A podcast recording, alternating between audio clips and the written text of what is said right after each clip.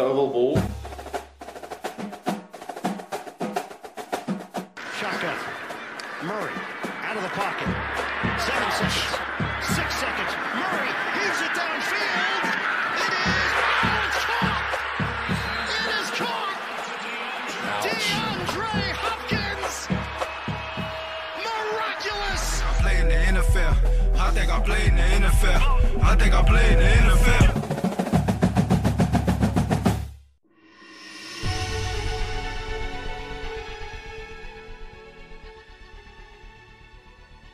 Hjertelig velkommen til Oval ball. I dag tilbake på Zoom, men alle til stede. I studio Reia Welshorder, Stian Syversen og Kenneth Karlsen. Velkommen, gutter.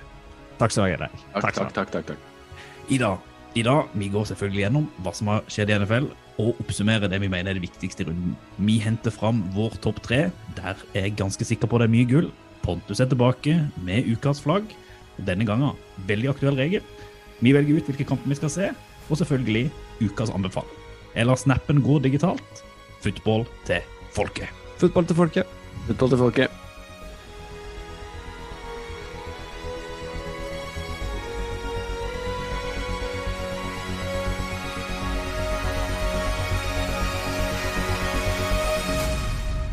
Da var vi tilbake på den digitale plattformen som Oval Ball lenge har eksistert på etter en, eh, et fantastisk hyggelig gjensyn i, i Oslo, selv om det bare ble på et hotellrom og en liten pubtur.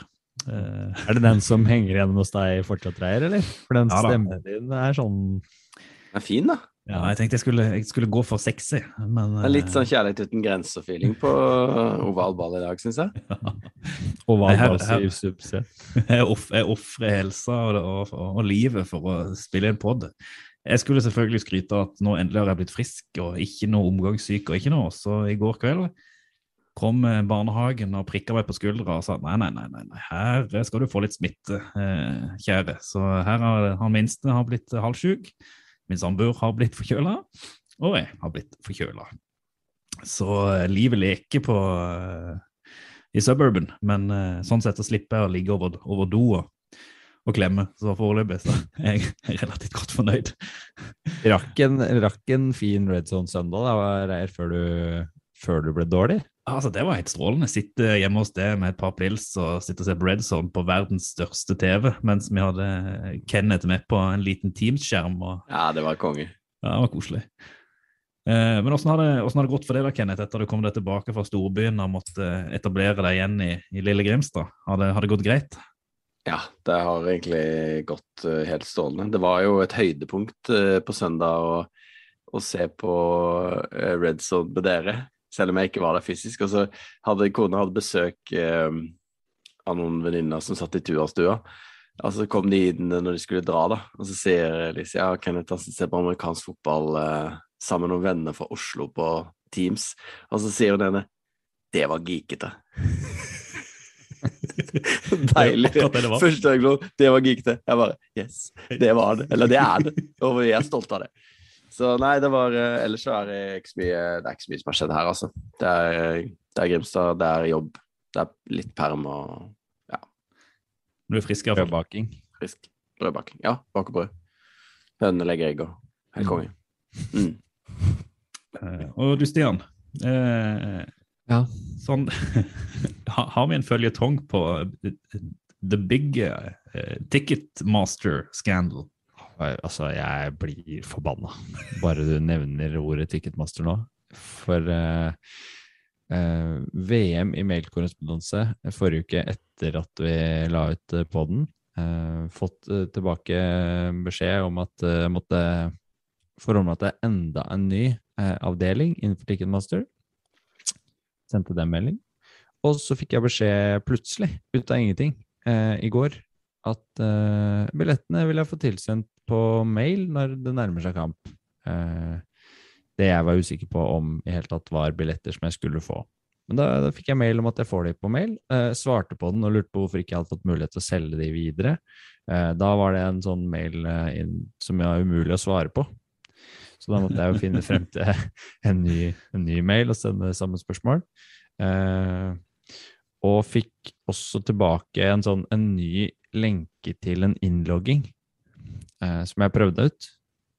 Og fikk da logga inn sånn at jeg fikk tilgang til billettene mine. Oi. Det er jo første gangen det har skjedd. Men det var ikke på Ticketmaster sine sider som man skulle tro det var. For det var på NFL i ticketing. Eh, .ticketmaster.co.uk. Det var en egen liksom, variant av den siden. Og så har jo du bestemt deg for at du ikke skal være med. Eh, så da skulle jeg liste den billetten for salg. Men det gikk ikke. For det var egentlig bare å huke av og, og sjekke ut om, eh, om billetten kunne selges. Eh, det gikk ikke. Det var helt uh, klart umulig. Da fikk jeg bare opp en sånn feilmelding om at eh, dette får du ikke lov til å gjøre.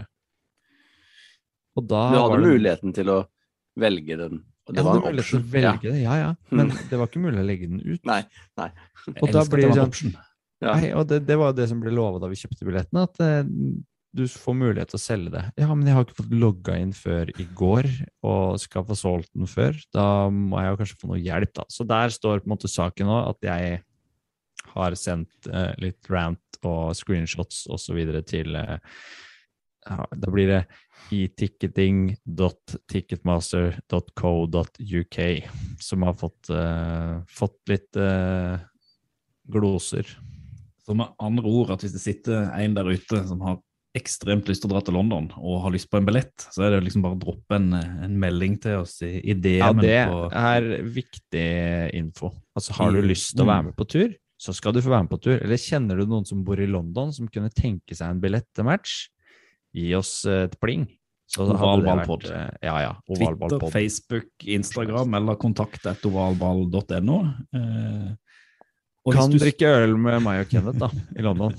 Det syns jeg jo er en uh, høydere. Og hvis du er dritlei av av prat om Ticketmaster, eller ønsker en egen episode og bare om billetter til NFL, så går det an å rate oss på podkast-appen du sitter i, hvor du gir beskjed om hvor bra eller hvor dårlig. Vi ønsker jo selvfølgelig høye rating hvis du gidder, så det har du òg vært evig takknemlige for. Men eh, her ligger det mulighet for å få lov til å bli med Kenneth og Stian på tur.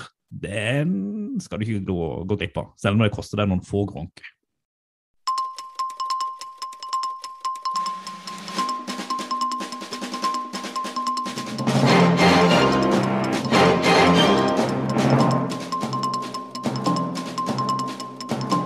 Week 3 er over. Det er jo ganske mye å ta tak i der òg, men eh, jeg syns vi skal gå litt sånn tilbake til eh, oval balls originale take og se på et par nyheter som har dukka opp denne uka, før vi hopper ned i gryta av eh, kamper. Og kan man si sånn trade alert? CJ Trade alert. Henderson. Hæ? Trade alert? ja, ja. CJ si. Henderson går fra Jacksonville til Panthers. Hvem er CJ Henderson? Han er jo en eh, cornerback som gikk som uh, niendevalget, altså i første runde i draften i 2020. eh, som jo er eh, veldig tidlig for et lag å kvitte seg med en, en så høyt drafta spiller. Det har jo vært sånne rykter i en stund, i hvert fall i preseason eller dette året, at han ikke helt har funnet seg til rette. Jeg vet ikke helt om det var før Urban Meyer eller etter, eller hvordan det der er. Men han er i hvert fall eh, nå dratt til eh, Carolina, eh, og de jo, fikk jo en del skader forrige uke. Blant annet han deres førsterundevalg i år, CJ, nei, ikke CJ, men JC Horn, som bak beinet. Og de sender da tight end Dan Arnold og et tredjerundevalg til Jacksonville. Og det er jo ganske sånn i utgangspunktet billig for en, en spiller som da skulle være dritgod ikke har levert varene i Jacksonville, tror jeg. Så veldig bra. Men eh, ja, jeg vet ikke. Jeg tror det. Matt Rule. Han, Jeg har, jo- sykt troa på de greiene der, for Panthers sin del. mm, for Panthers sin del. Eh. Ikke Jacksonville har gitt opp, men eh, Ja. Matt Rule. Og han, han får alle til å skinne. Ja, det er jo litt vittig, da, fordi det er jo på en måte to forskjellige eh, Det er jo to college-trenere, men to helt forskjellige tilnærminger til spillet og til personalledelse, sånn som jeg forstår det, da, Ja, ja. eh, i Matt Rule og uh, Urban Meyer. Så ja, jeg vet ikke. Men jeg har også troa. Men nå har jo vi Reier og jeg er jo veldig glad i Matt Rule, da, så vi har jo alltid troa på det han finner på. Jeg tror ikke så mye på Jesus, tror mye på Matt. Men Det som eh, er kjipt, er at når man mister jo den Darnold til Arnold-connection da, i Panthers. ja, ja. Det... den, var, den, var, den var tørr. Ja, det er tørr, men det er jo litt gøy. det også, da. Eh, en, en annen nyhet, eh, Stian. Eh, Josh Gordon, eller Flash Gordon, eh, Flash har Gordon. nå eh, Joshua tilbake, Caleb Gordon. Ja. kom seg tilbake til, til NFL etter å ha vært ute, ikke med skade, men substance abuse. Ikke bare Ja, én, men nei, tre ganger. en-. Ja, og han har hatt en sånn indefinite uh, substance abuse-utestengelse. Mm. Så han har måttet søke om å komme tilbake igjen, og søkte vel første gangen i Eller søkte i juli, altså i sommer, og fikk eh, til slutt eh, lov til å joine Kansas City Chiefs nå fra denne uka her, da. Og en fun fact om eh, wide receiver Flash Gordon er at han var den som tok imot eh, Tom Bradys 500. touchdown-pasning Ja. i 2018-sesongen. Da spilte han i Patriots og var med på det laget som slo eh, Rams eh, 13-3 i Superbowl 53 det året. Og var også eh, en av bidragsyterne. Han spilte ikke Superbowl-matchen pga. Uh, suspensjon, men eh, var altså en skal vi si? Han blir nok en breddespiller i laget til, eh, til Chiefs, og ikke den som kommer til å dra lasset, men tyder jo på at de trenger bedre dekning på, på receiver-korpset i, eh, i Chiefs. Da. Mm. Eh, og så må vi jo ta et lite steg inn i week three. Og jeg har ei lita høne å plukke med det, Stian, først. Fordi at eh, vi satt jo og skrøt her at vi kan tippe. Morsomt eh, bruk av dyr ja, i denne podden. Det var helt bevisst, ikke? så den kan Kenneth kose seg med. Eh, Du er jo vår eh, tippeinnleverer, og eh, vi leverte jo inn en bong hvor vi altså, Kenneth skal jeg ikke prate for, det å tippe Patriots mot Saints var dumt. Eh, Jeg leverte inn en, en bong hvor jeg mente at Raider skulle vinne, og du greide da å tippe uten over, overtime. Mens jeg Mm. selvfølgelig mener at det skal være vinner er vinner. Så jeg mener jo sjøl at det står som 3-0, har ennå tippa alt riktig. Du er uenig? Mm, Kenneth er også uenig. Dette her har vi diskutert opp og i mente, og når vi leverer, så er det utgangspunkt i å levere uten overtid, for det er å ha litt baller. I tillegg så er det bedre odds. Så det diskuterte vi i fjor og ble enige om, og det må gis tydelig beskjed om. Eh, og der sendte du inn matchen, og jeg tok alle tre matchene, lina opp og skrev da blir det disse uten overtid. Ikke noe reaksjon. Da leverte jeg den. Godkjent. Eh, Raiders vant på overtid. Det var ikke det du hadde. Sorry, da kan du ikke få 3-0. Da er du dårlig i matte. Og nå er vi alle to igjen, da. Så da kan vi liksom begynne på null igjen, på et vis. Ja, greit, Da skal jeg huske å være spesifikk i caps lock hver gang jeg skal inkludere overtime og ikke. Ja, altså det, er, det her er ikke noe Den her går ikke på min eller eh, Kenneths kappe, for en gangs skyld. Det er greit, jeg skal Nei, ta den på den. bare- Det er stort sett min kappe ting går på, føler jeg, men akkurat dette skal jeg ikke ha på meg. ass. Nei. jeg, skal, jeg skal ta litt selvkritikk. Men du, du prøvde deg jo liksom på å si at eh, hvis Raiders vinner, det var kanskje kampen jeg hadde tenkt da, så da får vel jeg egentlig 3-0, jeg òg? Det var det du Ja, sa? ja, Ja. det gjør jeg mest for å provosere deg, liksom- men jeg, har jo vært, i- jeg var jo i vår chat uh, innom alle kampene, nesten.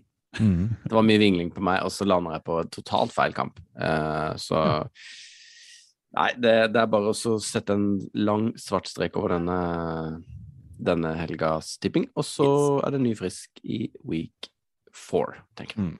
Da prøver vi igjen. Så må vi ta et eh, lite dypdykk i noen av de tingene vi syns er viktig å hente fram fra week three. Trenger liksom ikke gå dypt ned i gryta, men vi må røre litt iallfall. Det Mm. første, Chiefs, som vi kanskje hadde tippa helt fram til Superbowl og vinner av AFC West, ligger nå sist i divisjonen etter tap mot Chargers. Eh, kanskje ikke så kjempeoverraskende, men litt overraskende. Mm, det, var så, det var så katastrofe i Kansas at eh, Reed forlot eh, matchen i ambulanse. Det var kanskje ikke grunnen, Det er en litt sånn stygg spøk, men nå går det jo greit med han, da, så det kanskje var greit. Men nei, det var ikke noe Altså, de, de plutselig så taper de de kampene de vant i fjor, da, og i forfjor, kanskje.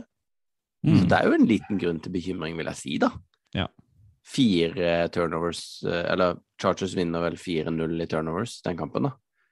Eh, Og et par av de Jeg så den siste der til Mahomes mange ganger i Jeg bare liksom Hva er det som foregår der? Han bommer så sykt på, på Kelsey, som jo Han er jo mellom fire forsvarere, men han er jo ikke liksom Det er mulig å treffe han nå, på en måte. Så det er Det er ikke over... Altså, det er ikke ofte du ser Mahomes gjøre Nei, de missa der, da. Og det er vel kanskje det vi har vært bortskjemt med, at ikke han gjør det. Mm. Og når han først da smeller på en, en ordentlig feilpasning, da, da blir du litt overraska og rykker til i sofaen. Men Chargers, altså. Dette er kanskje den største kampen eh, Herbert har spilt og vunnet. Altså slår regjeringen Superbowl-finalist. Eh, det var det, Altså, nå begynner det å lukte gull av Altså, om ikke det har lukta gull allerede. Men det skjer jo mye kok. Altså, de, det er jo den derre eh, helt sånn det er, det er fourth and four eller noe sånt, og så blir det noe false start, så er det fourth and nine. De går for den likevel. Og så er det legal shift helt ned i Ja, vi skal en- komme tilbake til en del av de detaljene i den matchen eh, etterpå, tenker jeg. Både i topp Ja. og, og i forbindelse med, med flagget. Men det er så gøy, så, så er det sånn derre ja, Ting som skjedde med, ikke skjedde med Chiefs uh, før, skjer med Chiefs nå. Sånn. Elair fømla igjen to ganger på rad. To Ja. helger på rad. Så, og så er det noe med NFL og hele den biten at liksom, ja Det er bare to helger på rad han har fømla, men de har jo bare 17 kamper, ikke sant. Så det er sånn Enhver situasjon, enhver kamp teller så, så Eller det blir så tydelig, da. Mm. Eh, Både på liksom når de spiller bra, og når det skjer ting som ikke er så bra. Da. Kanskje enda mer i det siste. Da. At det henger ved deg lenge da, hvis, hvis du på en måte gjør en fatal miss. Det føles ut som jeg jinxa det her, for jeg sa vel etter første runde at det bikka stort sett de jevne kampene i sin favør, og nå er andre runden på rad at de ikke gjør det. Ja. Din feil. Ja, jeg tar den på min kappe. Mm. Eh, eh, et lag som eh, i fall statistisk sett har den beste quarterbacken i ligaen for tida, og som står undefeated, det er Denver Broncos. Nå skal det sies at de, møtt, de lagene de har møtt, står med totalt 0-9, så det er godt mulig at den der striken der ikke fortsetter. Men ja, jeg skal ikke si det var Jets, så jeg vet ikke om man skal si om Denver er imponerende, eller om det bare er helt forventa. Spiller jo solid match, Broncos igjen. Eh, solid forsvarsspill, og Teddy styrer opp offens, eh, offens veldig, veldig ryddig og tar gode valg, da. Er eh, Kjører løpespill når det skal kjøres, eh, kjører eh, kortpasninger og ruteløp og kaster langt når det er behov for det. Treffer godt med Og han eh, Williams, han heter, han rookie running backen som de også har fått inn, Mm, som ser eh, ser utrolig fresh ut i, eh, som et alternativ der. De har en veldig bra duo, da, med Mm. Melvin Gordon og, og Javante Williams. Men det er jo eh, Altså, Broncos har møtt Giants, Jets og Jacksonville. altså, det er Det er de tre dårligste lagene i ligaen. Og nå møter de jo Baltimore neste uke, tror jeg. Så da får Ja, man får vi kanskje se en ordentlig pekepinn på hvor de står, da. nettopp. Men det forsvaret det tror jeg man kan liksom sette høyt der oppe når sesongen er over uansett. Det å liksom skjøtte ut Jets og ikke la de få et poeng, er jo imponerende. Ja, men jeg syns eh, et poeng der er, når vi snakker om quarterback-posisjonen, som har vært et tema i Denver i, i lang tid, er jo nettopp at nå, nå ser de i hvert fall stabile ut på den posisjonen, da, og har en som ikke kaster bort ballen sånn i tide og utide, eller tar helt hårreisende valg. Nå, nå har du en person der som kan eh, ta det safe valget og spille de og holde de inne i matchen, og så kan de la løpespillet og la Forsvaret gjøre den delen og, og stå frem som, som matchvinnende, som de kanskje kunne gjort i større grad i fjor også, hvis de Mm. hadde hatt en god quarterback. Det blir spennende å se de når de skal møte Forsvaret der skal møte Lamar, da. Det blir en litt annen utfordring enn en, enn, Zach Wilson, ja. Mm. Ja, og for så vidt Lawrence med hele den der gameplanen til Urban Meyer og Ja. Giants også, som ser rimelig ja. Poeng. Eh, jeg må liksom, Ett lag til som skulle ta inn i den gryta og se ferdig ut, det er jo Chicago Bears. Jeg hadde jo litt troa på at det skulle endelig bli litt gøy å følge Bears igjen, men det har jo vært helt, altså, helt krise. Og Miles Jarrett hadde vel nå for uh, Cleveland Browns fire og en halv sekk i kampen. Bears er jo helt altså, Justin Fields. Ja, Ja, totalt ni Altså, han ble sacka ni ganger. Ja, ja. Og de hadde Altså, det det er jeg, jeg, jeg, Den var jo på Den gikk vel på Det var jo klokka sju-runden der, så den var jo på Red Zone, men jeg så litt highlights etterpå. Jeg mener, det er jo helt grusomt. Så jeg hørte på noen jeg har hørt på noen andre podder som sier bare at det er altså Jeg har lest litt om den kampen etterpå, at det er det, er det verste noen har sett, liksom, av, et, av en gameplan. Og så er det en, en trener som er på hotseaten og Nei, det ser jo Bears, altså. Det er jo helt grøst. Vi trodde Altså, det skulle jo bli gøy å se på Bears, men det har blitt gøy liksom av feil grunn. Det er helt vilt at, at Chicago og New York da kan ha så dårlig At det er jo to byer som skulle vært liksom rigga for å ha kjempegode lag. Eh, å være oppe og dominere, og det er god historie og alt det der. Og så er det bare Stendig krise. Ja, Mm, det er så dårlig. Men iallfall litt, litt utenfor New York, i Buffalo, der ser det bare sykere og sykere og ut. Bills Mafia kan legge seg fornøyd i sofaen etter den runden òg. Ja, det kan de absolutt. Og hva som skjedde i den første kampen mot, når de røk på tapet mot Steelers, skjønner ikke jeg når jeg har sett de to siste matchene. For nå har eh, Allen spilt seg veldig godt inn i systemet. Hadde vel fire touchdown og én rushing, og var i tillegg var han godt oppå 360 eller 80 passing yards, eller hva det var for noe. Som er veldig få i historien som har klart. Når du i tillegg kan s- faktorere inn eh, hvordan Steelers har spilt de to siste ukene, så skjønner man enda mindre hvordan, hvordan Bills klarte å tape, tape den kampen. Men det sier jo litt om hvor jevnt det egentlig er i NFL. Da. At det er liksom en dårlig dag på jobben, så, så sliter du selv mot de dårlige lagene. Ja, men nå ser jo Bills ut til å være det laget de var litt i fjor, og Allen leverer på det nivået som ja, Mm. jeg trodde han kanskje ikke kom til å levere på i år, men, men det er lang sesong, da. Det skal sies. Så de må ligge der hvis de skal fortsette å være en utfordrer til, eh, til Mm. både playoff og Superbowl. Du har fått Men, eh, veldig bra orden på Forsvaret, Mm. har en stabil organisasjon, bra GM, bra coaching staff. Altså, det ligger litt til rette for Bills i år, da. Det luk- Hvis de fortsetter der, så lukter det eh, hele veien. Men, men apropos stabilt forsvar, hva skjedde med det som mange mente har vært et av ligaens beste forsvar, eh, Washington Football Club? Komplett kollaps. Football team, sorry, nå roter jeg, vet du. Sykdommen, du kan jo skylde på.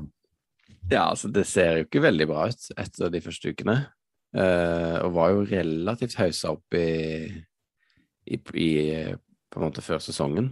Eh, Så jeg vet ikke, altså. Det, har Chase Young hatt en sack i år, liksom?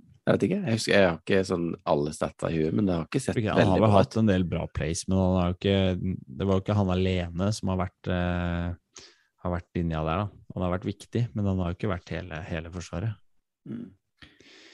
Så de har vel kanskje ikke levert helt på, helt på der de skal. Og så har jo ikke skal vi si, Tyler Heineke er slitt, Fitzpatrick er skada. Uh, gjorde veldig mye rart i matchen mot eh, Buffalo. Kasta bort mye rare baller og, og virka ikke helt komfortabel i, i pocket. Så de kommer nok til å få en tøff sesong. Det tror jeg. Det tror jeg. Og så helt til slutt så må vi jo bare touche innom eh, denne eh, altså Monday Night Football, er det ikke det? Det er så fint heter. Eh, hvor plutselig eh, Ja, eh, hvor plutselig Dallas ser jo ut som en million. Mm. Kjempegøy. Altså, jeg så Det er jo midt på natta, de greiene der, så jeg har bare sett uh, litt highlights og sånn, men, men det angrepet deres er jo helt uh, spinnvilt nå med, med Så lenge de har den Så lenge linja er bra, linja spiller Mm. godt, så har de jo to fantastiske running backs nå, så de kan jo spille play action hele tiden, og, og den gruppa Altså, de receiverne deres gjør jo også det at eh, nå er jo sånn som tight ends av disse Schultz og Blake Jarvin ser jo også veldig bra ut, ikke sant? For de får masse plass. Fordi de andre De må jo dekke opp eh, CD Lamb og Amari Cooper og altså det Nei. Det ser kjempebra ut. Altså. Veldig gøy å se på. Altså, jeg må jo at for i, I fjor så var jo liksom altså, Dallas, spesielt før Dak ble skada, så de var jo gode offensivt òg, men de Mm. sleit jo så vanvittig i forsvaret. Altså, De Mm. slapp jo til så mye poeng at de måtte skåre 40 poeng nesten i hver kamp for å holde tritt. Men altså, ser man på forsvaret nå, så er det jo Det òg ser jo gull ut. Altså, var det uh, Diggs som nå har hatt sånn Han har jo en rekord i at han har en, en, en pikk nå, syv eller åtte kamper på rad, nå inkludert fjorårssesongen. Helt sånne syke tall. Og Ja. Mike Parsons, bam! Ja, ja, han ser jo ut som eh, helt vanvittig bra. De har jo fått Altså, det er jo Dan Quinn eh, kom inn som DC der. Han er jo kjempemerittert trener. Det kan godt være det har, har hatt veldig mye å si da for den gruppa. Og så var de jo uheldige. De mista jo han eh, åh, Hvem var det? Damarcus Lawrence, hadde han Mm. altså. Han brakk jo beinet eller noe, og han var jo egentlig den beste eller viktigste forsvarsspilleren. Så så ja, jeg syns òg det ser eh, bra ut. Og så er de jo i en fordelaktig divisjon, da, sånn som det ser ut nå. Mm. Men derfor var jo den seieren så viktig. på Bare at den, Mm. Michael Parsons har sett ut til å bare fyre opp det forsvarsteltet litt, Mm. igjen, da, og har vært klar til å ta nivå med en gang. Og kanskje løfte seg enda mer når det har vært skader på andre sentrale forsvarere. Og nå var han helt vill. Han kan, du kan sette den hvor du vil hen i det forsvaret, og han gjør den jobben han skal. Han løper etter ballen, takler og er en Jeg skal ikke si at han er sønnen til Arlen Donald, men han er i alle fall i, liksom, på vei opp på det nærmer seg noe av det nivået der, da. Sånn som han spilte nå sist. Det føles som det eneste spørsmålstegnet som står igjennom for Dallas, det er jo Mike McCarthy, head coach, liksom. Mm. Mm. Eh, hvor igjen nå, Jeg har ikke liksom fått med meg alt, men det var jo noe clock management i, til halftime nå også, som det var forrige runde. At han glemte å ta timeout eller et eller annet sånt, så det bare De kunne spilt et minutt til, men de bare gikk til pause, og så uh, så, Og han Ja. Men han har bra timer i seg da, med Kellen Moore og Dan Quinn og sånn, så det kan godt være det der kan gå langt. America's Team, kanskje det går hele veien i år. Har de fine drakter òg. Det hjelper. En- Topp tre. Tre topp. Pott tre. Opp tre. Topp tre. Oval Vals, topp tre. For min del kanskje ukas høydepunkt, når vi skal gå gjennom vår eh, topp tre takes fra eh, uka i eh, NFL. Eh, vi har sagt tidligere at vi ikke skal prøve å prate så mye sammen. Denne gangen har vi prata litt for å passe på at ikke vi alle har akkurat den, den samme lista. Og så gleder jeg meg til å se, Kenneth, om du denne gangen har skjønt konseptet med kun, kun tre ting, og kanskje den beste på toppen. Det hadde vært kult. Ja, beste på toppen, ja. Ja, ja. ja vi får se. Vi vi får se. Eh, Jeg tar, jeg tar med friheten til å, å starte denne gangen. Eh, Og jeg har eh, altså, Det er jo ikke noen tvil om at folk skjønner at jeg er glad i kickere. Så denne gangen er liksom hele lista mi rett og slett bare dedikert til kickere denne, denne runden. Og vi har vel egentlig vært enige om at dette her var The Kickers Revenge Weekend, rett og slett. Det var denne gangen hvor kickerne slo tilbake, og det er egentlig min tredjeplass da på, på lista. Fordi at eh, denne uka, i motsetning til resten av uka, har det vært en veldig lite dårlig kicking, men kickerne har vært avgjørende for så mange lag. Altså, Mm. eh, Crosby avgjør jo kampen for eh, Packers. Eh, viktig eh, for Packers for å ta den seieren mot, mot 49ers, og er jo matchavgjørende der. Mm. Sammen med, med Carlsen for, for Raiders. Òg over, over, overtime. Avgjør der òg, eh, og tar seieren hjem. En syk eh, kamp der, egentlig. Vi må prate litt om det, hvor Dolphins og Brissett bare Det kan vi ta sikkert litt senere, bare helt crazy, og gjør at det blir overtime. Men så kommer jo Carlsen inn, avgjør for Raiders til slutt. Eh, McLaughlin setter vel ny personlig rekord med 57 yards for Browns på et, eh, på et uh, kick. Og så har du jo da eh, en av mine favoritter. Eh, Nå husker jeg ikke hva han heter hele navnet, men Ko. Den nye kickeren. Young? Wiku. Young Wiku, ja. Avgjør jo eh, og gir Atalanta en seier. Altså, Stakkars Giants, skulle man til å si, men altså, der går Falcons fram og tar sin første seier for sesongen takket være en kicker. Så jeg hadde bare lyst til å og Jeg kommer jo tilbake til dette senere òg, men altså, kickere jeg bare gjentar det og gjentar igjen. De er viktigere enn man eh, får inntrykk av i NFL, og de har liksom en vanvittig matchavgjørende effekt, eh, og har vist det da mange ganger denne uka her. Det, er- det er eh, Altså, kickere det er jo, Vi er jo liksom opptatt av, av sparking av ball her i Europa. Kanskje enda mer enn i USA. Det er kanskje derfor vi på, på en måte tenker mer på de uh, enn Det virker som i hvert fall coaching-staffen gjør der borte, hvor det virker jo til å være nedprioritert i ganske mange franchiser. Ja. Men, men um, jeg hopper elegant videre til min uh, nummer tre. Ehm, det er jo litt sånn det samme i samme spor, egentlig. Men det, det jeg tenkte på Først så tenkte jeg på at sånn, de quarterbackene de har liksom den hvilepulsen de har.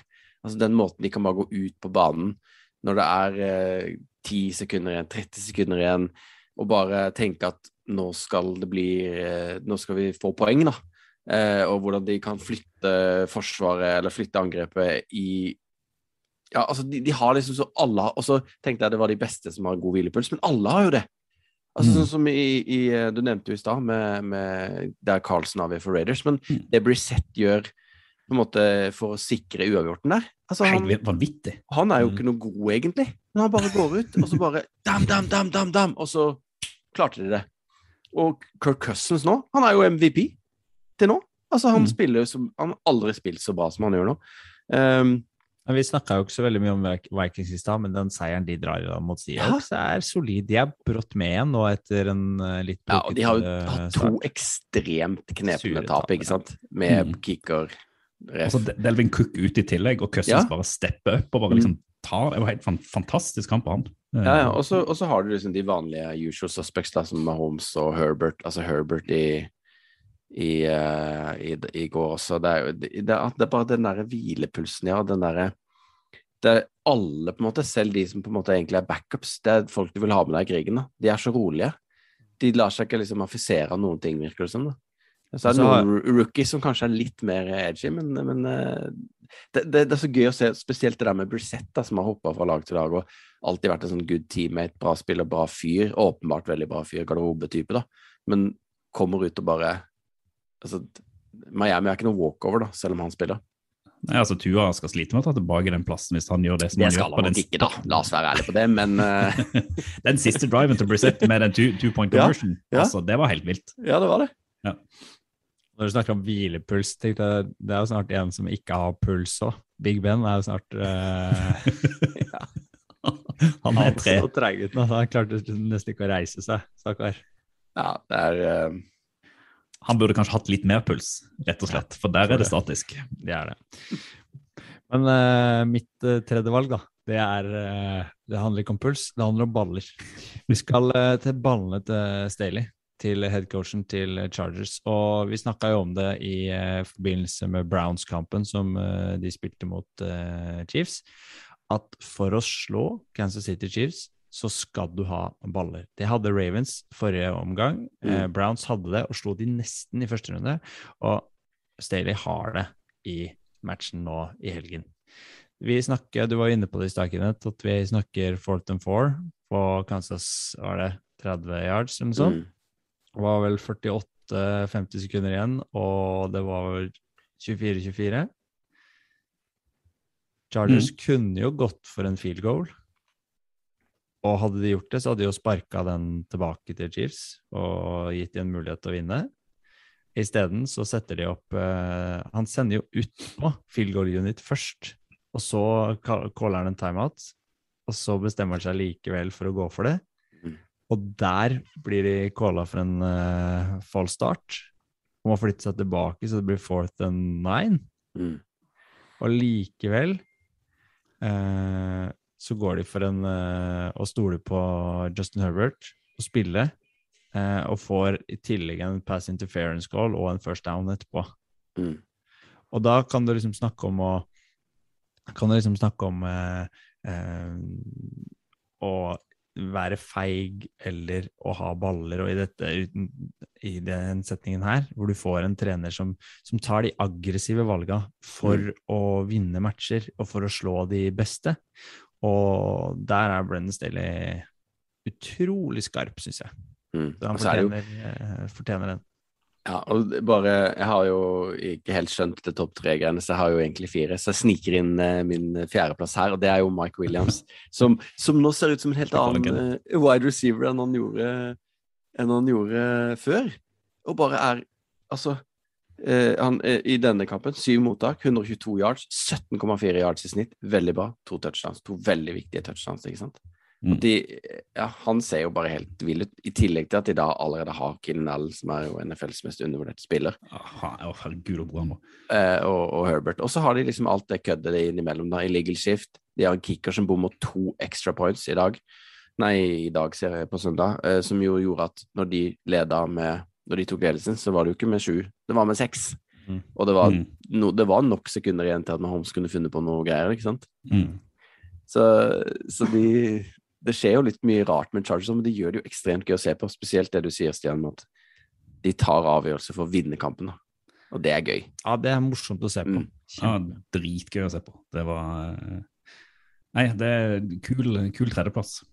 Eh, noen hørte sikkert at det kom noe lyd i bakgrunnen. Det er jo selvfølgelig den her NFL Auto-videostarten, fordi at jeg hadde en video liggende, i- liggende i bakgrunnen, som er min andreplass. Så det var derfor jeg hørte da den selvfølgelig starte uten at han skulle gjøre det.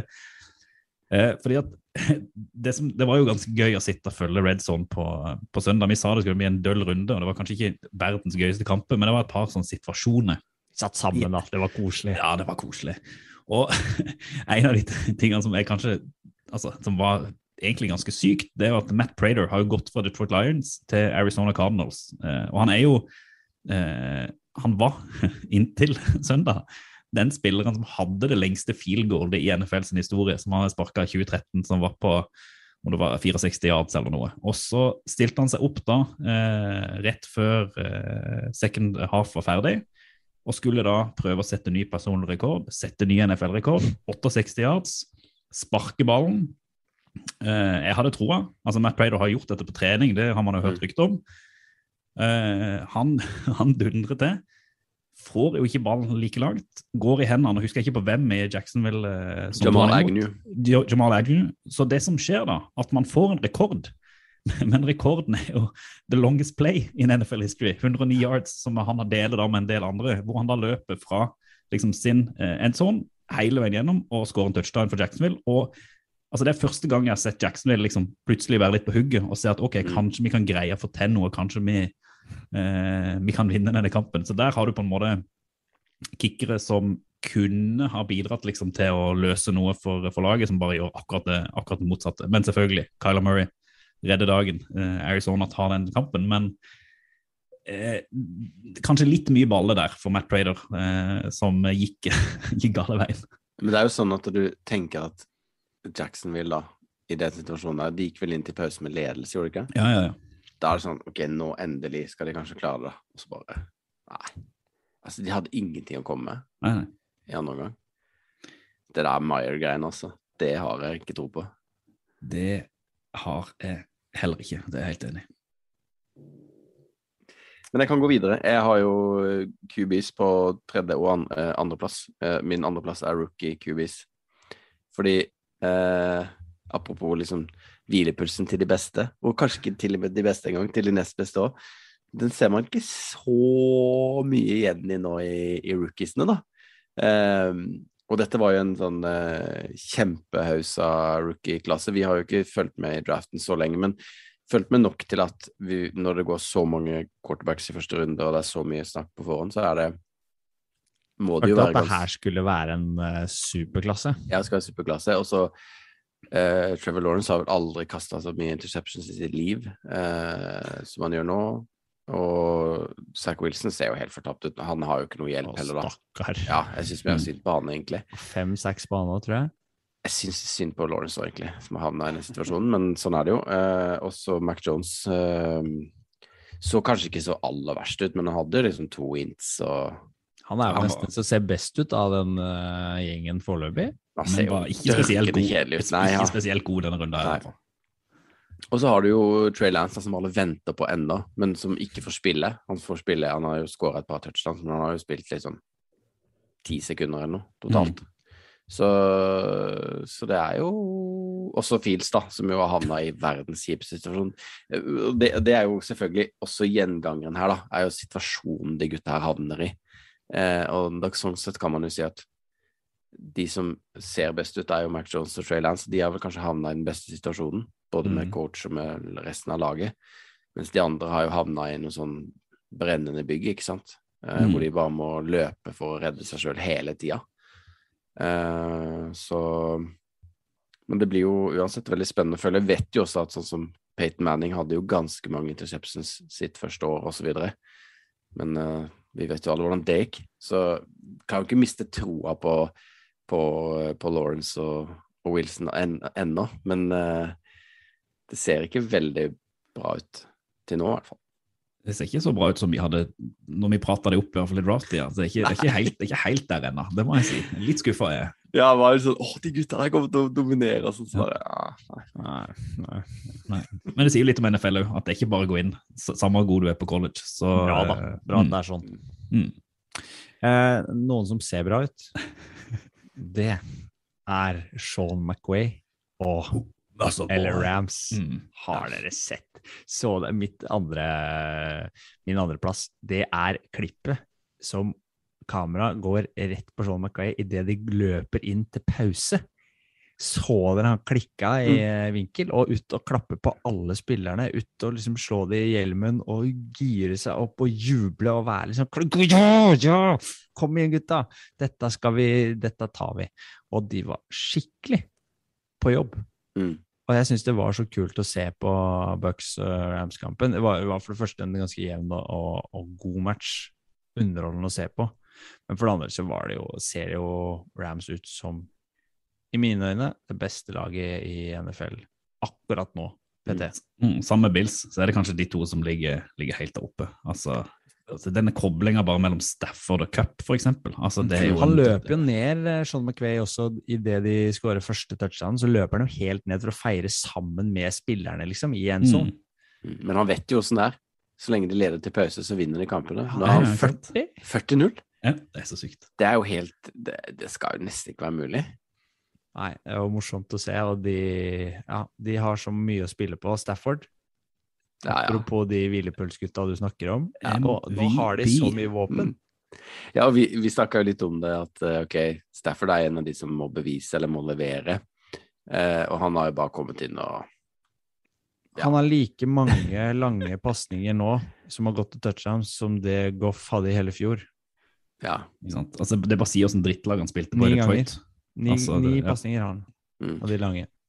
Elsker Stafford. Altså, jeg har alt, aldri, altså, alltid syntes Rams har vært litt kjedelig, men akkurat nå er kanskje et av de lagene jeg gleder meg mest til å se. For både offensivt er det jo plutselig litt viralt, og så det forsvaret med Aaron Donald og Jalen Ramsey og hele Men da gjengen. som skjønner man jo at Sean McVay blir gira. Når han har hele det arsenalet der. Mm. Og de har jo Altså, de har jo ikke bare cup, ikke sant. De har jo henta DeShaun Jackson, som jo er en slags oh, legende. Han, han, er, han ser jo så bra ut nå, ikke sant. Og nummer én nå, det er ekstra gøy med de Jeg liker jo disse, disse nye tallene, da, med, med wide receiver med nummer én.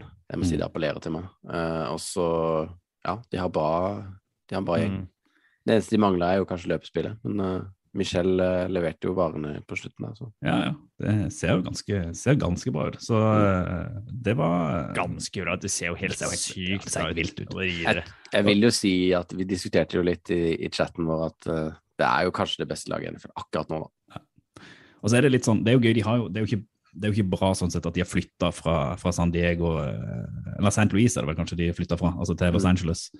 Men der var det, altså for første gang jeg har sett publikum på en Los Angeles-kamp hvor det har vært fullstendig haraball og god stemning. Og det er jo litt gøy for Rams òg, at de kan greie å få Mm. engasjert den byen der, som har vært ganske sultefòra på fotball ganske lenge.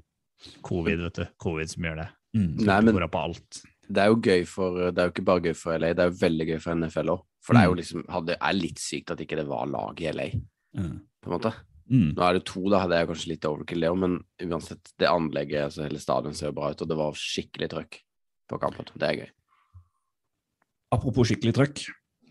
Altså, alle skjønner jo hva min, hva min førsteplass er. Men, ja, men det er liksom Altså, Justin Tucker. Altså, Han kunne vært på førsteplass bare sånn uansett, for det, eh, det er liksom det er kickernes kicker. Altså, han har Mm. Det er vel 50 spark nå på rad, uansett lengde som han har satt. Eh, og så var det det 50. sparket hans sitt nå, hvor han da eh, altså, for det, det var en, altså, Apropos sånn eh, Baltimore, som var så så sterke ut forrige runde, sleit mot et Detroit-lag som bare gikk all in. Altså Det var egentlig utrolig gøy å se Detroit Lions denne runden her, for de bare de ofra alt. Mm.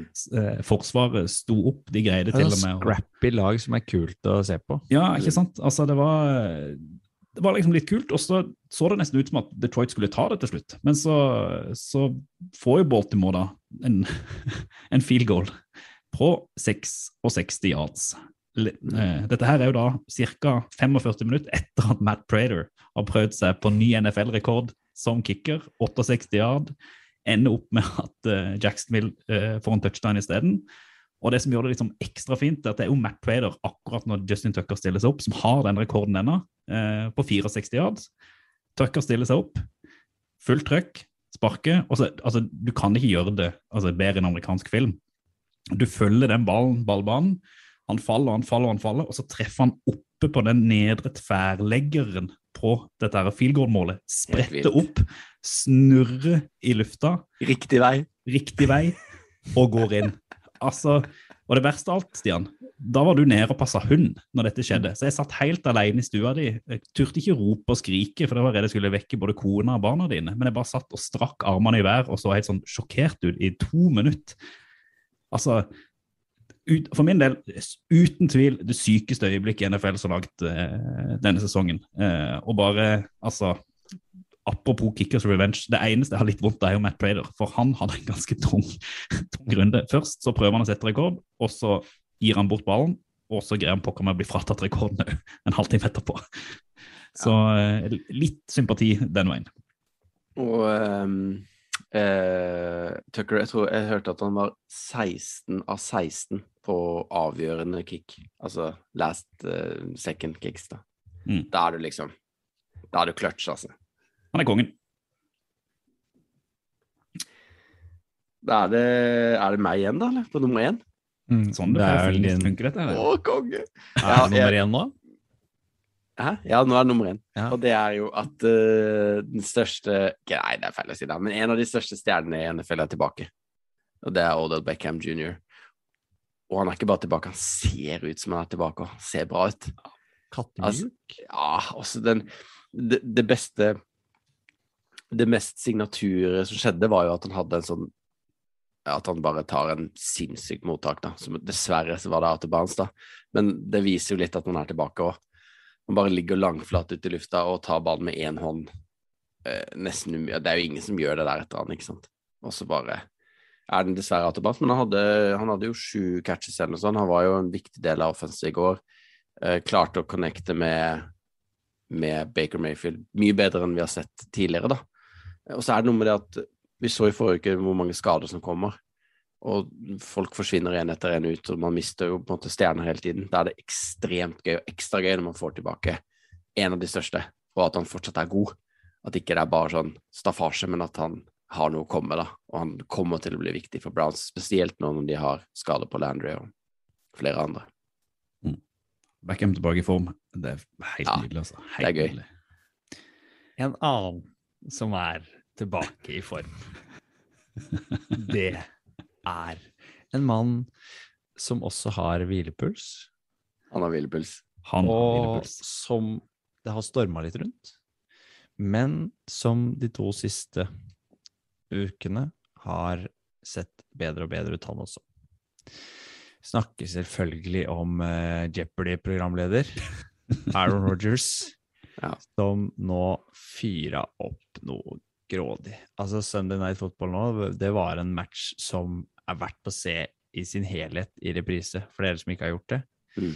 Eh, der snakker vi om en match som virkelig sto og vippa frem og tilbake mellom to veldig tøffe headcoacher, mellom to lag som har litt sånn ulik tilnærming til det offensive, eller offensive spillet, og to forskjellige quarterbacker, hvor det ene virkelig liksom slår inn. For der Jeg snakka om i stad at, eh, at Staley hadde baller som eh, ikke eh, eh, gikk for field goal når det var mulighet for å gjøre det. Så går jo ikke 49ers for field goal, men de får inn en touchdown med 37 sekunder igjen på klokka. Og det er jo en fin scoring, og de må jo ta den. Mm. Klart de må det. Men det er jo For Aaron Rodgers, da, så er 30-20 sekunder det er en evighet, det. Ingen timeouts. Nei, ingen Ingen timeouts. Men det holder, det. Han har gjort det der før. Det var veldig du bare- tydelig. Du ser hva de er på vei til å gjøre idet de liksom samler seg i, i flokken for å bli enige om det. Vi gjør det sånn og sånn, vi har det helt klart. Og de får eh, De får det inn, altså. Og jeg tenker, og det er jo også veldig gøy, dette har vi snakka om før, men hva, hvem er det han skal sentre til Når han skal passe til de to playsa som de skal komme seg opp for å ta den field goalen. Jo, det er jo Davante Adams. Alle vet jo det. Mm. Og den siste der, det De er, klarer ikke å stoppe det. det er third and ten. 16 sekunder igjen på klokka. Det er akkurat for langt til å gå for field goalen der de står. Og han skal passe til kameraten sin, han. Ja, ja. Og alle vet det kommer. Ja. De dekker jo opp, og, men pasningen kommer. Han får tatt imot, og de inne på kameraten din, Dag Reier, Crosby, Kickers Revenge Weekend. feier han jo inn, han. Men det er jo det er en Og igjen, når vi snakka litt om glede, se det klippet med Aaron Rodgers på sidelinja når han følger det sparket som går inn. Det er genuin glede, og nå er Aaron Rodgers tilbake der han var i fjor. Lee Freeman from the 30. Flag is down. And Raymond has run out of bounds. Another flag comes in at the 32. There are six flags on the field. I eh, denne ukas eh, flagg så er vi jo ferdig med vår eh, strålende blokkingsskul. og vi har kalt inn Pontus på spesialoppdrag denne helga, for vi har én regel som har dukka opp når vi har sittet og sett Red Zone nå flere uker på rad, som vi har lyst til å ta tak i. Eh, Men eh, først, Pontus, hjertelig velkommen, og takk for en god blokkingsskole. Ja, takk for at jeg får komme. og Ja, vær så god, kanskje. Jeg vet ikke. Eh, før vi hopper midt inn i, inn i flaggene, så er jeg jo litt spent på eh, Du er jo beinhard eh, Patriots-fan. og litt, Hva sitter du igjen med etter tre uker med NFL og Patriots? Har du, har du troa? Ja, altså jeg hadde jo egentlig litt håp om at vi skulle ha et år til med Cam Newton. Det hadde, tycker jeg hadde vært morsomt for å gi Matt Jones et år til og anpasse seg sånt. Men annars må jeg si at jeg, jeg, er veldig imponert over det han har levert hittil hittills. Sånn. For att han en rookie liksom, så ser han ikke spesielt rookie ut. Eh, och eh, man kan vel mildt sagt si at man igjen ganske mye ut av offenset som man, om man har fulgt Patriots en stund. Mm. Det, ja, det er litt samme, litt samme som eh, med Brady. Inte, det var inte riktigt samma sak förra året då med Mac Jones. Nej, så jag, jag, jag har tror jag håpen. Jag vet inte hur det kommer gå i år. Jag ser väl det som ett läringsår kanske. Jag menar. Men Mm. eh, ja, det, det ser lovande ut för framtiden i alla fall tycker jag. Ja, Hva tenker du om eh, resultatene, da? Det, det var en sånn oppskriftsmessig seier mot Jets, kanskje, som jeg vet ikke, De ser jo nesten dårligere ut enn i fjor. Ja, Men, alltså, eh, jet, jag vet, når du kommer til Jets så kan det kanskje ikke bli semre enn typ butt fumble-kampen. Det är den som er typ Nej. Så ille illa jeg kanskje jag kanske det var. Even om fire interceptions er, det er morsomt. Ja, Kul for spelare å få litt stats. Og så var det jo litt forsmedelig åpningstap mot Dolphins. Åh, den, var, den var sur. Mm. Den var skikkelig sur. Det var jo, så jo virkelig lovende ut og sen så, ja, precis på der oppe. Det var, nei, det var, det var en tung tap. Faktisk. Ja, så hadde du vel kanskje litt troa før kampen mot Saints nå i helga som var, da. Saints har jo ikke vært helt sånn på, på topp og hadde mye skader og Ja, ja nei, det, och det som den store skillnaden på Patriots i år gjennom mange år, år er at de har hatt veldig mye penalties og typ Mm. dumme mistak som är egentligen eh, kännetecknar Patriots lite grann. Men annars kan man säga, väl säga alltså typ de fyra första kamperna pleier alltid være sån hipp som happ eh, nästan varje säsong oavsett. Så ju, det är bara att hoppa att man kommer undan med så många vinst som möjligt på de fyra första kamperna när det Mm. gäller Patriots. Sen så brukar det alltid hämta upp sig i oktober sen. mm. Då börjar de komma in och lära sig vad de kan och sådana bitar och sånt oftast. Det är så säsongen brukar se ut. Så fyra första, ja du hoppar att du inte går 0-4. Det är väl typ det som är varje år med Patriots i stort sett. Ja, Tenk om det skal snu til helga, da. Det blir jo gøy til helga, hva det skulle å si. Ja, jag har inte kjempetrua inför helgen om vi säger det sånt. Hjemme mot uh, Buccaneers. Tom Brady kommer tilbake. Belichick får uh, se sin uh, Hva skal vi si sønn? Ja, ja eller nej, det tror jag inte. Han har ju sina söner redan där. De är ju, begge sønnene er jo ju coachingstab til Patriots. Det er bra hockey på han ene, som er før sesongen. Ja, Steve. Ja, han har fin hockey. Ja. Hva tror du om Eh, den kampen her, Pontus? Ja, jeg, altså, er det noen som kan stelle til det for Brady på rent defensivt messig, så er det jo Belichick. Han vet jo presis uh, han har jo sett han i 20 år liksom. Så, uh, samtidig så har ju, vad heter det, eh, Brady trent tränat mot defenset i 20 år også. Mm. Eh, Så han vet jo litt. grann. Så det, men ja, er det noen som er god på just sånne typer ting Å switche opp saker og, og stelle til det for typ eh, Peyton Manning og alle de gode quarterbacksen framfor alt for rookies er är det Bill Belichick. Liksom. Så han kan mye vel få til å stelle til det for, for Brady. Eh, Men det stora problemet är fortfarande offens tror jag, för de har fortfarande ikke kjempebra receivers og, og passningsspillet er liksom mer dink and dunk, ikke de her lange spillene. Eh, og de forsøker å lute ganske heavy på løpespillet. Og løpe mot Bucks er vanskelig. Mm. For Bucks har vel et av de eh, beste løpeforsvarerne i Ja. ligaen. Mm. Så, så bare den match, matchupen på offense defense, den, den är tung. Eh, och sen då vet, tror jag inte de klarar att stänga ner Brady i en hel kamp. Ikke med de vapnen han har. Så jeg ser ikke kjempelyst på den kampen, nei. Det gjør jeg faktisk ikke. En som tippa Patriots eh, denne uka, så tror jeg ikke jeg skal gjøre det samme eh, neste uke. Men eh, vi har jo tenkt at eh, du skulle komme i dag for å snakke om eh, illegal shift. Det er jo det som vi har lurt på nå i to uker, fordi eh, holdt på å si San Diego, men LA Chargers har jo kukka det til i red zone med illegal shift i to uker på rad, faktisk. Eh, så, så da tenkte vi at her må vi rett og slett ha ekspertisen på banen, eh, og det er jo deg, da, eksperten. Eh, Så hvis du kan ta oss igjennom litt hvordan den regelen funker, så hadde det vært eh, veldig bra. Ja, absolutt. Eh, Ja, illegal shift, eh, den går ju väldigt ihop med motion och en annan regel som väldigt eh, få egentlig ikke kjenner till. Eh, Men det er, for det er några ting som skal til innan man får snappa bollen i NFL. Bland at eh, boll måste eh, be set ready to play, sånne biter. Så har det vært avblåsning så viser dommerne typ så här, visa med armen og blåser pipan og sånt. Og de de ready for play. Så måste de ha legal formation. Og sen så kommer den som ikke så mange tenker på, utan det er bare ibland man ser og det er eh, att hela offens må komme til en complete stopp eller be set som man sier. Og det innebærer at hele offens må stå stille i minst en sekund. Så om de, og det, når man ser den regeln, eh, den er oftast bare når du kommer opp til det her i slutet av kampene, når det er typ two minute drills og sånne biter.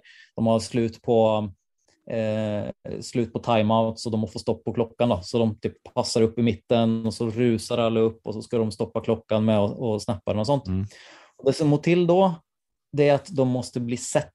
Så det vill säga alla offenspelarna må komma upp på linjen, ställa sig, stå stilla en sekund. Sen kan de snappa och eh, eh, ja, spika bollen då för att stoppa klockan.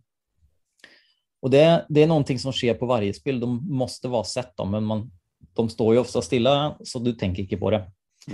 Och efter att de är sett så något som sker också ganska ofta det är att folk går i motion.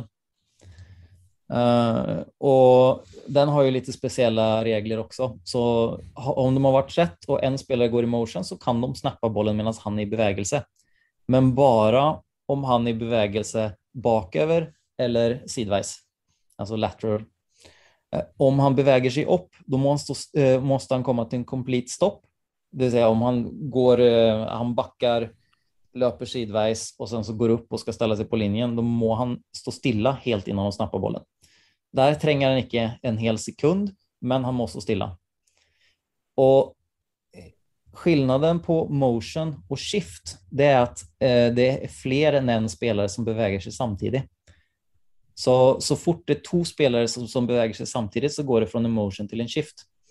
Och shiften betyder da at de må ha bli sett igjen. Altså alle må stå stille helt en hel sekund igjen. Så det man kan gjøre, er at man kan, du har en som går i motion, så stoppar han eh, og innan en sekund har gått så kan nästa spelare gå i motion igjen. eh, og det er fortfarande bare motion. Men om den ena spelaren ikke kommer til et helt stopp innan den andre beveger seg, da blir det helt plutselig en shift. Och då må alla stå still en hel sekund innan de, de snappar bollen, för annars blir det en illegal shift.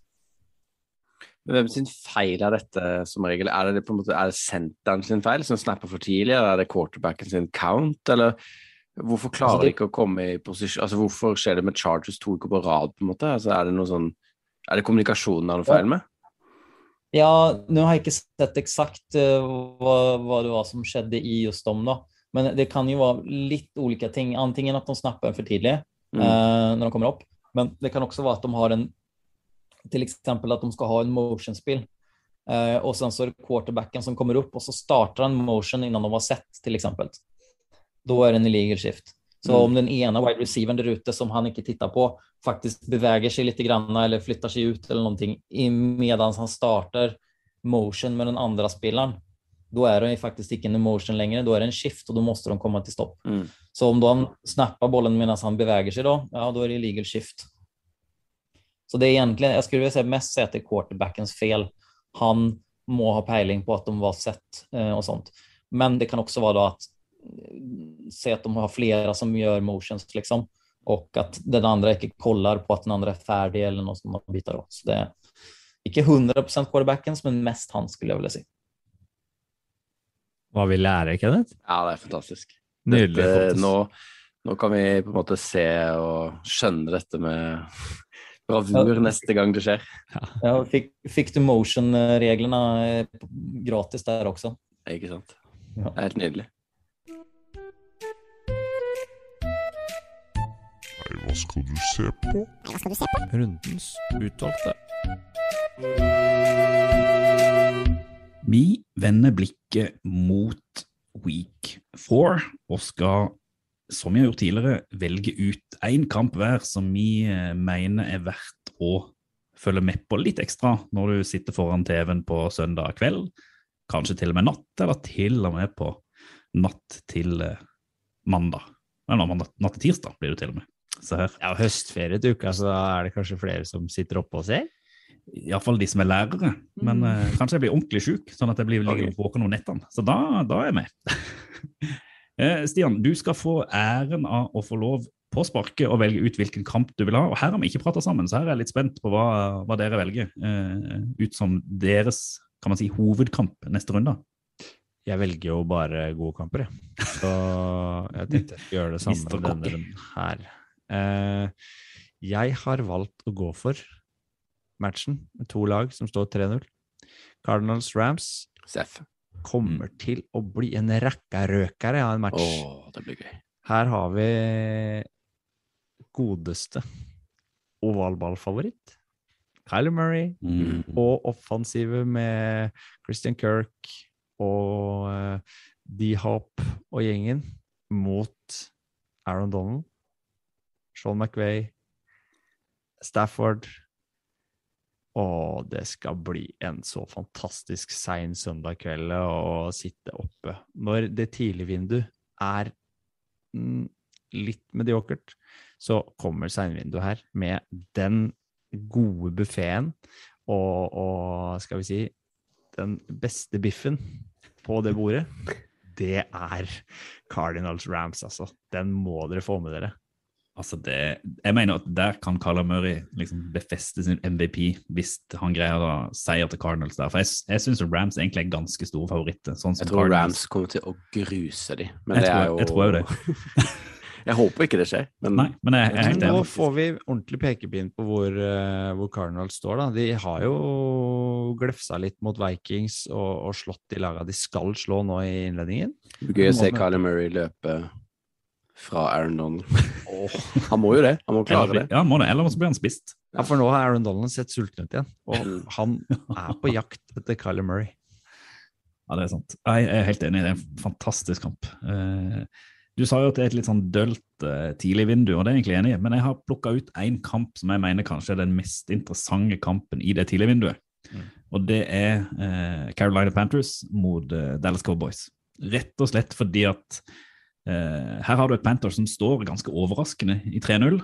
Eh, har sett mye bedre enn man, man trodde, men her tror jeg de liksom får sin første ordentlige eh, test, både defensivt og offensivt. Møte et Cowboys-lag som altså, de dundrer på offensivt, så det blir spennende å se hvordan de greier seg mot eh, Carolina-forsvaret. Og så er jeg veldig spent på å se, Sam Darnold og gjengen mot det forsvaret til Cowboys, som nå ser mye bedre enn de gjorde eh, i fjor.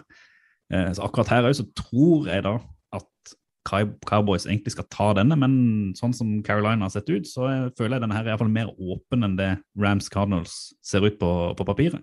Og det er jo et av de på, på en måte statsmessig beste forsvarene, Forsvarene mot et av de beste angrepene. Så det er jo Mm. det er mange sånne kamper i kampen uh, her. Så er det En liten sånn running back-duell på laget hvis eh, CMC er klar og spiller, da. Ja, Ja. virkelig. Den er, den er kul, altså. Det er klart at det er jo viktig for Panthers, da. Nå har ikke jeg fulgt med på helt på hvordan det der gikk, men Panthers uten McCaffrey borte mot Cowboys Det er ganske forskjell på de to lagene der, med og Mm. uten han, da. Så, så det blir spennende. Det er jo den kampen jeg ville valgt, hvis jeg skulle valgt som nummer to. Men jeg velger som nummer tre. Ja, det er helt Så da, da må vi faktisk, siden det er høstferie og Stian er lærer, så skal han få lov å sitte oppe på mandag og han. Mm. Eh, for da syns jeg det kommer en skikkelig fet kamp, og det er Raiders mot uh, Chargers. Uh, da tenker jeg liksom at ja.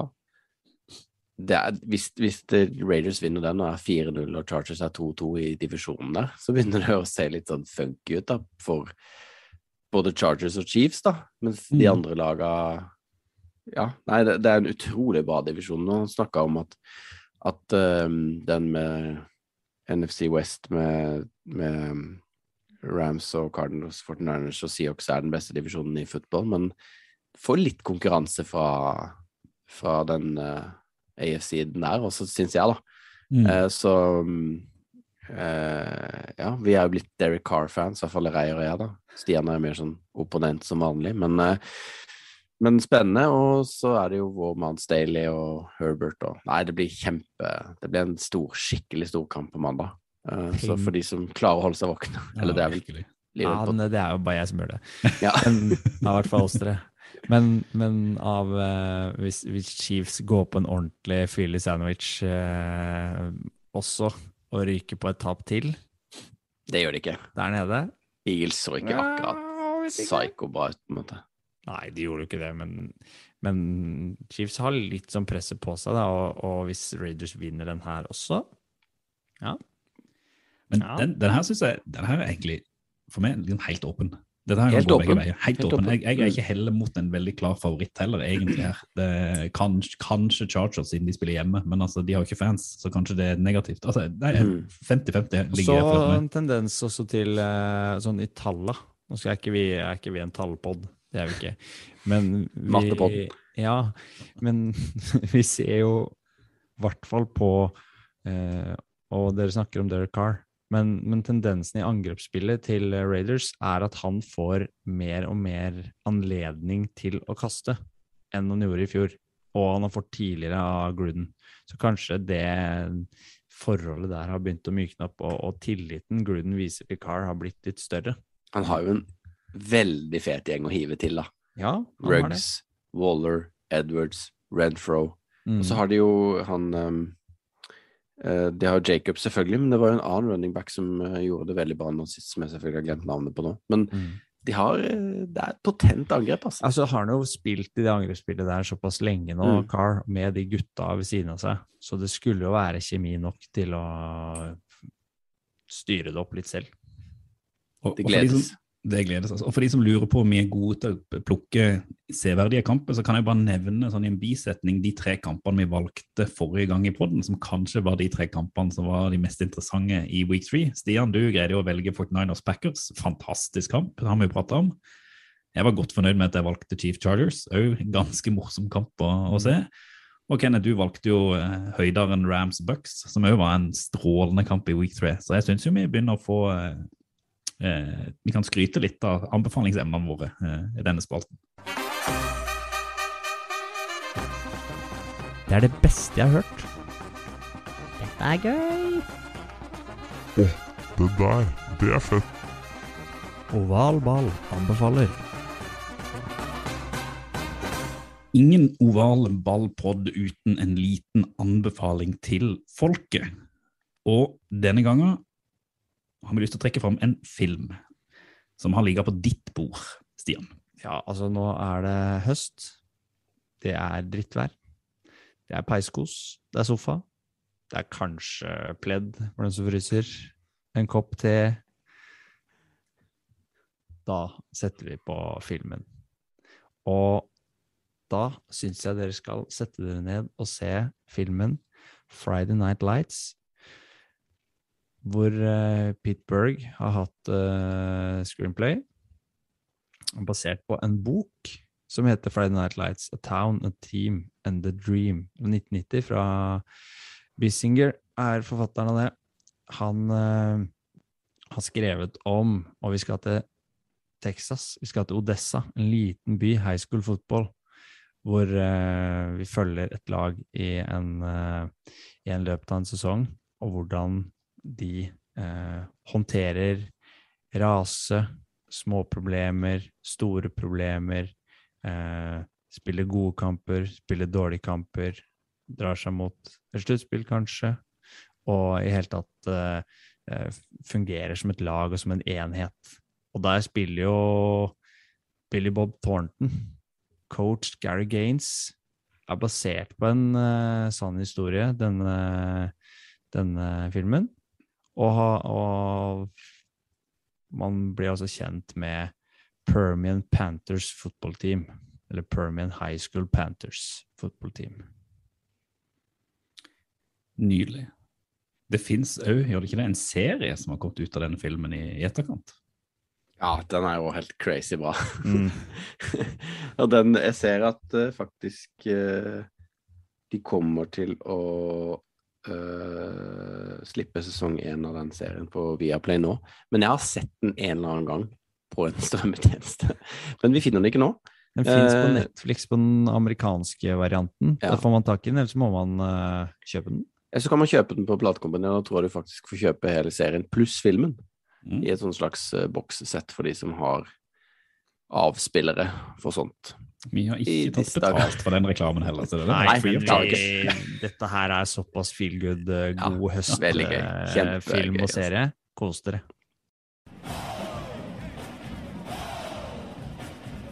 Ovalball. Fotball til folket. Det er ikke det samme som å sitte tett inntil hverandre rundt ei tjuvseng og drikke øl. men- sånn. Nei, søløl midt i fanget og sånn. Men eh, det er noe hyggelig å få lov å se der digitalt, det, gutter. Selv om jeg kjenner at nå, nå begynner Du har klart stemmen å deg få overraskende bra. Mm. Det Kenneth hadde lagt seg ned for lenge siden. ja, Veldig bra. Jeg hadde ikke kommet det. Det er, Nei, du vet- jeg, jeg vet jo hvordan det er. Jeg er sjuk hele tida, så snart er det blitt en rutine. Men nå skal jeg gå og legge meg om to minutter. Men eh, jeg føler liksom at dette her må man prioritere. eh, når man får lov å møte gutta og diskutere fotball en gang i uka. Enig. Så det jeg tipper neste uke, Stian, det er at vi og Kenneth har sett litt fotball, og du har sittet oppe hele høstferien og sett alt, og har bare så mye takes og så mye ideer, og sikkert kanskje bitte grann sliten. Mm. Det kan uh, bli for mye av det gode også. Det kan, Kan- det. Men kan ikke det altså? dette her. Nei, det er Ikke av dette her, for nå har man endelig liksom mulighet til å, til å kunne se litt mer enn det man vanligvis gjør. Ikke la seg forstyrre av sånne trivielle ting som jobb og sånn. Eh, så heller få mulighet til å, til å se matcher ordentlig. Og neste uke så, så kommer vi til å Eller jeg, da. Kommer til å legge ut mitt eh, andre drømmelag eh, i da NFC. Da blir det det nå? Jeg husker ikke. Det er i hvert fall den vi ikke hadde sist, da. Ja. Eh, skal komme på ovalball.no. Så da kommer det faktisk noe skriftlig på oss som dere kan få lov å sløye meg på i, i podden neste Ja, uke. men det, det, blir, det blir nydelig. Jeg gleder meg til det er liksom det her. Jeg tror alle som er interessert i amerikansk fotball, må utdanne seg som lærere, for da får du jo litt fri her og der til å dypdykke ned ei uke eller to i en ordentlig, ordentlig week. Det finnes vel yrker som kanskje egner seg bedre enn lærere når, hvis du skal følge den amerikanske fotballsesongen. Nattevakt. Ish. Så da, det er jo sagt. Nei, da tror jeg jeg skal løpe inn på, på badet, ta meg to Paracet og hive meg under dyna, så er jeg klar til å stå opp klokka halv fem med minstemann. Eh, Men før jeg gjør det, så må jeg bare si tusen takk for nå. Football til folket. Football til folket. Football til folket. Do the Titans have a miracle left in them in what has been a magical season to this point? If they do, they need it now. Christie kicks it high and short. Going to be fielded by Lorenzo Neal at the 25. Yeah, give it it, back to Wycheck. He throws it across the field to Dyson. He's got something. 30, He's got something. 50. He's got it. 40, He's got it. 20, 10. He's got it. End zone. Touchdown Titans. There are no flags on the field. It's a miracle. Tennessee has pulled a miracle.